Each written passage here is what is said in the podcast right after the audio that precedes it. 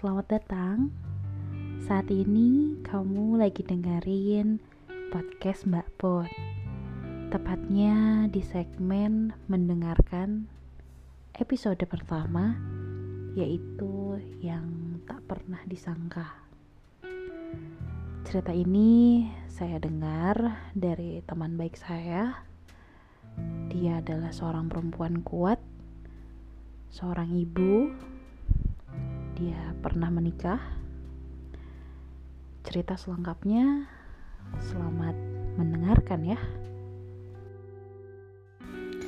Hai Mbak, terima kasih udah uh, ngasih kesempatan buat cerita tentang um, perpisahan aku sama mantanku. Kita sebut aja dia uh, si emasnya lah ya, biar nggak panjang-panjang. Jadi uh, kita awalin dari perkenalan aja kali ya sampai akhirnya kita jadian menikah dan berpisah gitu. Uh, kenalnya dulu di jadi aku ngantor tuh aku kerja dia itu kayak freelance gitu di kantor jadi ya mungkin kalau misalnya uh, istilahnya chinlock ya chinlock gitu kan walaupun sebenarnya kayak uh, ini cowok nih secara apa ya kayaknya bukan aku banget gitu. For your information aku ketemu dia di usia 21 gitu. Pada saat itu umurku dan umur dia kita seumuran 21 dan aku bukan tipe yang punya pacar banyak gitu. Justru aku pikir si emasnya ini cuma satu-satunya pacar aku gitu. Karena menurutku yang sebelum-sebelum itu kayak cuma deket-deket doang gitu. Nah jadi uh, kalau ngobrol sama dia itu dia tuh bukan yang tipe aku banget gitu. Tipe aku banget tuh kan kalau secara fisik oke. Okay. cuma kalau tipe aku banget tuh kayak yang aku suka banget cowok yang suka musik atau suka cowok yang pintar. Pintar tuh as in dulu tuh kayak mandang banget cowok dari dia kuliah atau gimana gitu. Ya namanya juga masih bocah ya masih 21 tahun gitu. Jadi uh, mandang banget. Meanwhile dia itu kayak DO beberapa kali gitu gitu pokoknya hmm, berkebalikan banget lah. Nah setelah uh, pacaran dua setengah tahun kita memutuskan buat menikah. Ya we were so young. Jadi umur kita 23 pada saat itu. Kita menikah dan punya anak setahun setelahnya.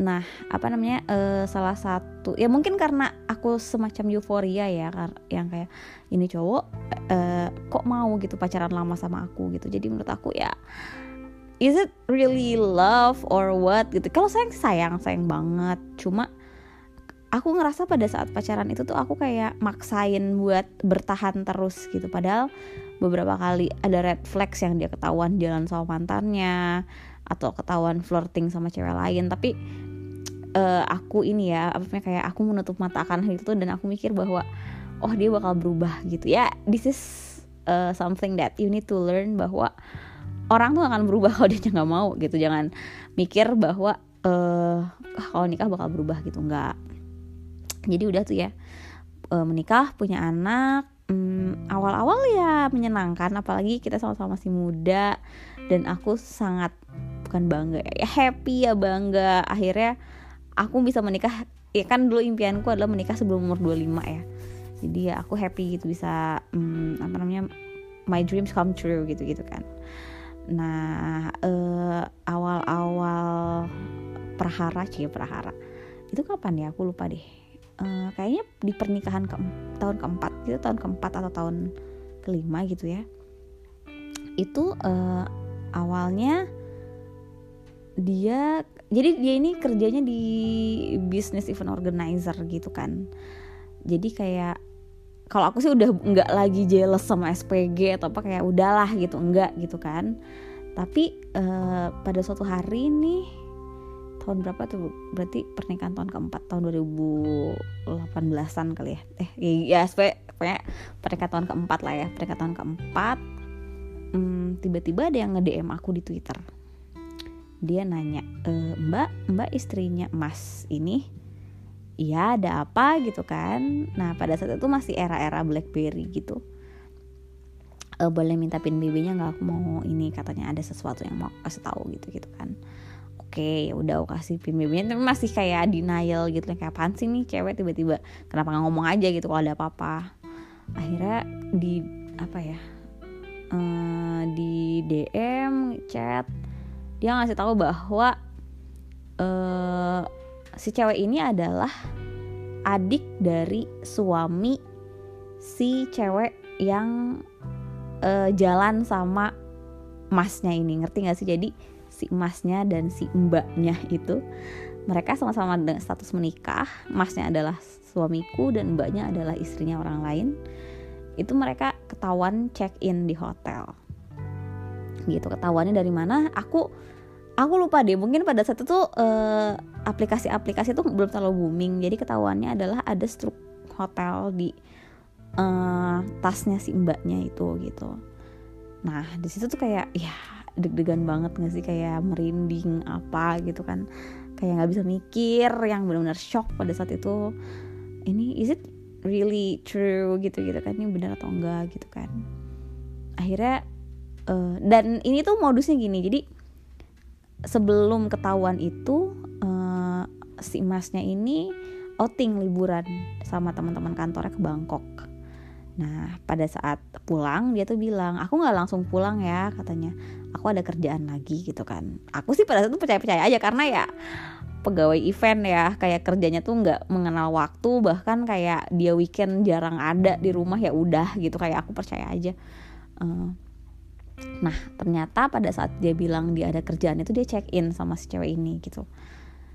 I I almost forgot setelah itu apa, cuma aku masih inget gimana aku shocknya gimana aku nangis atau gimana gitu kan. Uh, intinya tuh mereka ketahuan dan ya aku maafkan gitu. Kalau si ceweknya ini langsung cerai atau beberapa saat kemudian itu cerai aku lupa. Pokoknya dia cerai duluan gitu dia cerai duluan sama mantan suaminya. Ya udah gitu kan. Dan aku juga sempat kontak sama mantan suaminya juga. Dia bilang ya gitulah aku lupa deh. Pokoknya aku sempat kontak sama mantan suaminya dan ya udah gitu akhirnya ya aku maafkan gitu karena aku pikir pada saat itu nih kalau misalnya aku melepaskan berarti aku kalah gitu. Kayak aku pengen ngebuktiin gitu ya udah sih mungkin kayak cuma lagi bandel aja gitu. Oh my god I was so stupid right? Uh, udah gitu uh, itu yang pertama kali ketahuan. Setelah setelahnya juga ketahuan lagi dengan cewek yang sama gitu Terus yang lumayan bikin shock itu adalah pada saat itu kita mau wedding anniversary kan, mau wedding anniversary. Uh, aku tuh bilang aku pengen dong sekali-kali. Eh, he's not kind of romantic person gitu. Aku pengen dong sekali-kali kita ngerayain wedding anniversary gitu. Tadi dinner di hotel mana gitu. Terus dia bilang ya udah cari aja cari tempat cari apa gitu gitu kan. Kamu cari info gitu. Nah nanti aku ada kerjaan dulu katanya di luar negeri kan aku ada kerjaan di luar negeri di Malaysia pada saat itu. Dia bilang dia uh, pergi beberapa hari ke Malaysia tiga hari gitu kalau nggak salah. Hmm, nanti uangnya kita pakai buat dinner dia bilang kayak gitu kan. Oh ya udah kayak aku senang banget ya. Uh, aku sampai udah nyari-nyari list hotel terus kayak nyari-nyari dress code gitu-gitu kan. Nah pas di Malaysia juga dia masih video call video call sama aku sama anakku gitu. Uh, ya udah kayak ya nanti ini ya nah, nah, nah, ya oke okay, gitu kan beberapa saat kemudian ternyata diketahui bahwa dia itu pergi sama cewek yang sama gitu ke luar negeri which we never did that before gitu. Kencan sampai ke luar negeri. Aduh kencan biasa aja kayak sejak punya anak dia tuh selalu denial nggak perlu nggak perlu gitu. Ini kencan sampai luar negeri gitu sama si cewek ini. Dan ya dari ya udah mulai ketahuan lah ya udah mulai sering banget ketahuan itu sekitar mereka melakukan itu kayak menurut aku sih total sekitar 4 tahun gitu. Jadi 8 tahun pernikahan kita setengah. 50 persennya adalah he was with her gitu. Dia bersama wanita itu gitu. Uh, kalau ditanya alasannya kenapa ya kayak kan aku mulai tuh di situ mulai kayak insecure mulai kayak menyalahkan diri sendiri ya gak sih? Kayak setiap lo diselingkuhin tuh pasti menyalahkan diri sendiri. Kayak am I not that enough? Gue kurang oke okay apa emang kurang ya gitu-gitu kan. Kayak terus menyalahkan diri sendiri gitu kan. Terus dia bilang alasannya apa? Kayak kataku tuh gitu kenapa? gitu. Dan this is I don't know kayak yang sampai sekarang bikin aku insecure sih. Dia bilang oh, ya kamu ribet kalau diajak bubuk bar ya seks gitu intinya tuh. Oh oke okay, gitu. Dari situ tuh sampai aku mikir ya kamu terserah deh kalau misalnya emang kamu ngerasa bahwa I'm not the kind of person that could satisfy you in bed. If you think that I'm weak in bed gitu. Kamu mau bobo sama siapa aja serah. Play safe. Asal kamu pulang dan aku nggak tahu gitu. Jangan baper. Aku sampai ngomong gitu gitu di karena akunya udah desperate dan udah kayak apa ya kayak mikir bahwa aku nggak bisa lepas dari dia karena ada anak dulu ya. Kayak udah ada anak dan aku secara finansial juga bukannya aku nggak punya duit ya kayak selama aku sama dia itu aku emang menjadi ibu rumah tangga tapi ada beberapa kerjaan freelance yang aku ambil gitu. Tapi kan gajinya tidak sebesar itu karena aku fokus ngurus anak. Ya udah aku nurut-nurut aja gitu kan. Dan aku takut sebenarnya takut di situ gitu. Takut yang ntar kalau pisah gimana? gitu. Gimana gitu wah banyak. Just too many questions gitu. Terlalu banyak pertanyaan yang gimana ya nanti? What if what if what if? gitu. Too many what if. Ya gitu. Terus dia juga sempat bilang bahwa kayak hal yang aku ingat banget nih. Yang sampai sekarang tuh kadang kalau overthinking masih inget gitu. Dia tuh bilang kayak hmm, ya kalau ya karena dia tahu ya aku nggak pernah pacaran dan dia adalah pacar pertamaku bisa dibilang seperti itu gitu. Kalau lo nggak sama gue ya lo nggak akan ada yang mau gitu gitulah. Kayak either it's a joke atau apa pun tapi itu nempel di aku gitu. Jadi uh, udah kan kayak uh, itu tuh nggak sekali setelah dari Malaysia itu ketahuan lagi mereka pergi ke mana. Jadi kayak ada aja signnya gitu ada aja tanda-tanda yang ngasih taunya gitu. Bahkan 2017 nih kita pergi ke Bali bertiga uh, kayak family vacation gitu. Uh, terus yang ngerasa happy gak sih? Kayak wow family goals gitu liburan di Bali happy dan lain-lain. Tanya seminggu kemudian dia pergi sama si selingkuhannya ini ke Jogja gitu kayak ya udahlah gitu kan. 2017 uh, eh, kayak aku masih memaafkan dan lain-lain gitu. Dan parahnya lagi aku tuh selalu aku tuh nggak hampir nggak pernah nyeritain ini ke keluarga aku ke mamahku gitu. Aku selalu cerita kalau ada masalah itu ke keluarga dia. Jadi setelah ya dan anehnya tuh aku selalu di ditahan-tahan kayak aku tuh pengen ketemu sama cewek ini gitu. Tapi selalu ditahan-tahan gitu bahkan aku nggak pengen ngejelek-jelekin orang cuma menurut aku this really breaks my heart gitu. Ini beneran wow gitu kayak bikin aku kaget aja gitu ketika aku bilang ke mamahnya dia uh, bahwa anaknya ini liburan ke luar negeri gitu sama cewek lain gitu. Dia tuh yang kayak awalnya comforting tapi lama-lama tuh satu ini aku inget banget. Sampai aku tuh kayak kaget ini kayak sebagai sama cewek sebagai sama istri gitu kan. Dia tuh ngomong gini iya ya katanya. E, mungkin emasnya juga e, pengen liburan juga gitu. Jadi wajar kayak ini kayak dia mewajarkan bahwa anaknya pergi ke luar negeri sama cewek lain gitu. Karena terus sampai ngomong gini ya mungkin kalau kamu punya uang lebih juga bisa ngajak emasnya ya ke luar negeri gitu. Kayak wow! Itu itu bener-bener yang kayak awalnya nangis langsung marah di situ kayak langsung nutup teleponnya gitu. Like I need support gitu dan keluarganya tidak memberikan itu gitu ya udahlah gitu akhirnya ya. Puncaknya di tahun 2019 gitu. Uh, apa namanya? Pada saat itu ekonomi keluarga kita sedang tidak baik-baik aja dan dia mungkin merasa insecure bahwa uh, dia sedang tidak ada project yang gimana? Terus aku bilang ya udah sih nggak apa-apa aku aja cari duit kamu di rumah gitu kan. Dia mungkin di situ merasa gengsi sebagai cowok. Terus dia pulang ke rumah orang tuanya dan ceritanya macam-macam gitu bukan itu gitu ceritanya makanya kayak ya udahlah ya gitu kan. Nah terus uh, di 2019 pada saat anakku ulang tahun di bulan Mei hmm, kita yang sedang tidak baik-baik aja ekonominya ini dia tiba-tiba pulang membawa mainan yang harganya tuh 2 juta 2 jutaan pokoknya. Ya aku tuh kaget kan kayak kita tuh nggak punya duit gitu. Oh, duit dari mana gitu kan. Aku nggak nanya sih cuma aku tahu bahwa hadiah ini tuh dari si ceweknya gitu.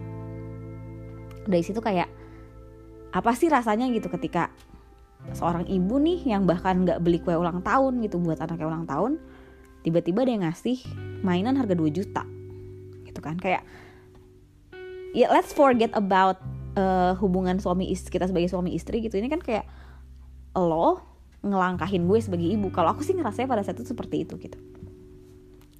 Di situ kayak itu udah nggak termaafkan lagi buat aku gitu. Sampai aku akhirnya chat si ceweknya gitu kan. Uh, eh, SMS gitu kayak terima kasih loh kadonya bulan kayak gitu kan. Karena saking udah keselnya gitu. Dan pada saat itu aku nangis di kantor beberapa kali gitu di kamar mandi gitu kan. Pura-pura ke WC malah nangis gitu. Kayak udah I really couldn't think straight gitu. Akhirnya setelah itu aku bilang kamu gak usah pulang aku nggak mau ketemu kamu lagi aku gituin.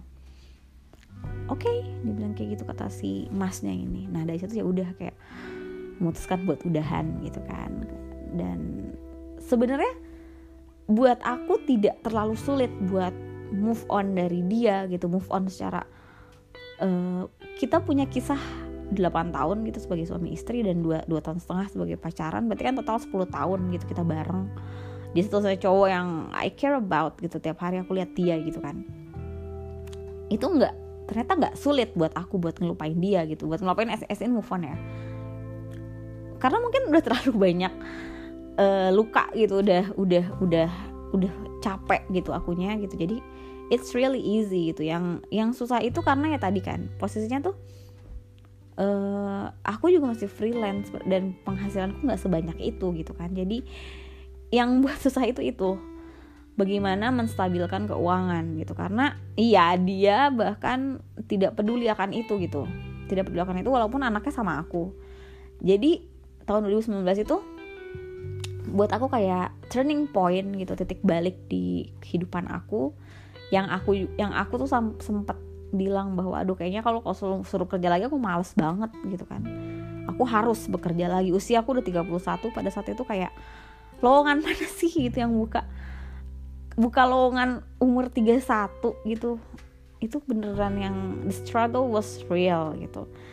Ya bikin CV lagi gitu kayak ah, aku punya LinkedIn ya gitu. Ya udah diaktifin lagi tiap hari nyari kerjaan gitu untungnya kayak aku juga punya bantuan teman-teman yang uh, untuk masalah kerjaan mereka sangat open gitu mereka sangat yang oh you're back gitu lo kerja lagi gitu gitu ya udah gitu gitulah jadi uh, aku dapat kerja lagi sekitar bulan ya nggak tahu lama sih sekitar dua atau tiga bulan setelah memutuskan buat pisah aku punya uh, dapat kerja lagi walaupun sering pindah-pindah karena probation gitu-gitu kan. Itu sih sebenarnya yang menurut aku berat 2019 itu beratnya itu sangat berat. Uh, sampai apa ya? Desperate sampai tiap hari tuh sempat ada fase di mana aku tiap hari mikir bahwa aku besok makan apa ya sama anakku gitu. Meanwhile ketika aku misalnya nanya sama masnya gitu kayak kamu ada duit atau apa? Tuh malah diketawain gitu kan hah kamu tuh ya nanti nanti gitu. Kayak susah aduh aku tuh dibanding begging gitu kan bukannya gimana cuma mending udah deh cari sendiri gitu. Karena capek kan capek itu karena ya harus berantem dulu harus apa dulu gitu kan. Jadi ya udah kayak ya udahlah gitu capek gitu kan. Akhirnya kayak he doesn't care about it gitu dia nggak peduli dengan kami istilahnya secara keuangan. Dia juga sempet apa ya jarang banget ngunjungin anaknya padahal aku sangat open ya mungkin entah kenapa gitu kan. Nah istilahnya kayak everything kembali baik-baik aja mungkin menurut aku uh, sekitar tahun lalu justru yang pada saat pandemi justru kayak mulai membaik lah akunya gitu secara keuangan atau secara apa gitu kayak ya udahlah gitu. Kalau lo nggak support gue masih bisa gitu. Uh, cuma dan aku juga berusaha tetap apa ya uh, aku walaupun kayak masih kesel sama si emasnya ini kan tapi aku tetap sadar bahwa dia itu adalah ayahnya anakku gitu. Jadi aku nggak pernah menutup akses atau apa pun ke dia. Jadi bahkan kan uh, sekolah online ya atau sejak tahun lalu. Jadi aku juga kayak mempersilahkan dia kalau mau datang nemenin anaknya sekolah silahkan gitu. Beneran yang udah nggak ada lagi perasaan apa gitu atau apa enggak sih. Ya udah gitu kayak ya kalau kita ngobrol pun selain kayak teman aja gitu. Ya istilahnya untuk masalah ini ya I forgive but I don't forget gitu. Jadi ya sekarang aku cuma pengen hubungan anakku dan ayahnya ini baik-baik aja gitu. Ya untuk masalah keuangan ya we are all struggling ya apalagi di masa pandemi ini gitu. Cuma ya duit tuh bisa dicari ya. Bismillah aja. Jadi itu sih mungkin cerita aku mbak dari mas dari mulai kenal sampai uh, berpisah pesan dari aku apa ya? Intinya uh, nikah itu bukan kompetisi dan kalau kamu apa ya kalau kamu ngerasa bahwa kamu bisa ngerubah dia enggak sih jangan gitu. Kalau emang dia mau berubah menjadi lebih baik itu pasti dia bakal berubah gitu. Jangan ngerasa jadi superhero jangan nggak usah sosok yang dia bakal berubah atau apa gitu. Dan buat cewek-cewek nih khususnya mau nikah atau apa pun kondisi kamu sekarang gitu eh mau nikah atau eh mau nikah ketika nikah nanti mau bekerja atau eh mau suami ngehidupin kamu secara finansial penuh atau tidak menurutku ya kalian harus menjadi financial independent gitu. Untuk yang masih muda-muda juga uh, jadilah apa ya menurut aku kalian harus menghasilkan sih. Bukan ininya ya bukan oh penghasilan gue harus gini bukan. Tapi ketika kalian udah pernah ngerasain susahnya cari duit nih mental kalian juga bakal beda gitu. Mental kalian tuh ya mental struggling gitu ketika kalian nanti menikah mungkin suami kalian sakit atau misalnya bisnisnya gimana gimana gitu kalian punya inilah plan B. Kalian bisa take over posisi dia bahwa hey you can you have me gitu. Kalian kalian punya diri kalian sendiri. Kalian bisa apa ya mandiri lah gitu. Jangan tentang cewek terus jadi uh, lemah dalam tanda kutip gitu. Cuma gara-gara kalian tidak berpenghasilan karena percaya deh walaupun kalian memutuskan buat nikah atau tidak punya penghasilan punya penghasilan sendiri itu menambah rasa percaya diri kalian gitu menambah value kalian. Gitu sih itu pesan dari aku buat semua cewek. Ayolah cari duit sendiri earn your own money gitu. Bukan berarti uh, bikin kalau misalnya ini bikin cowok insecure.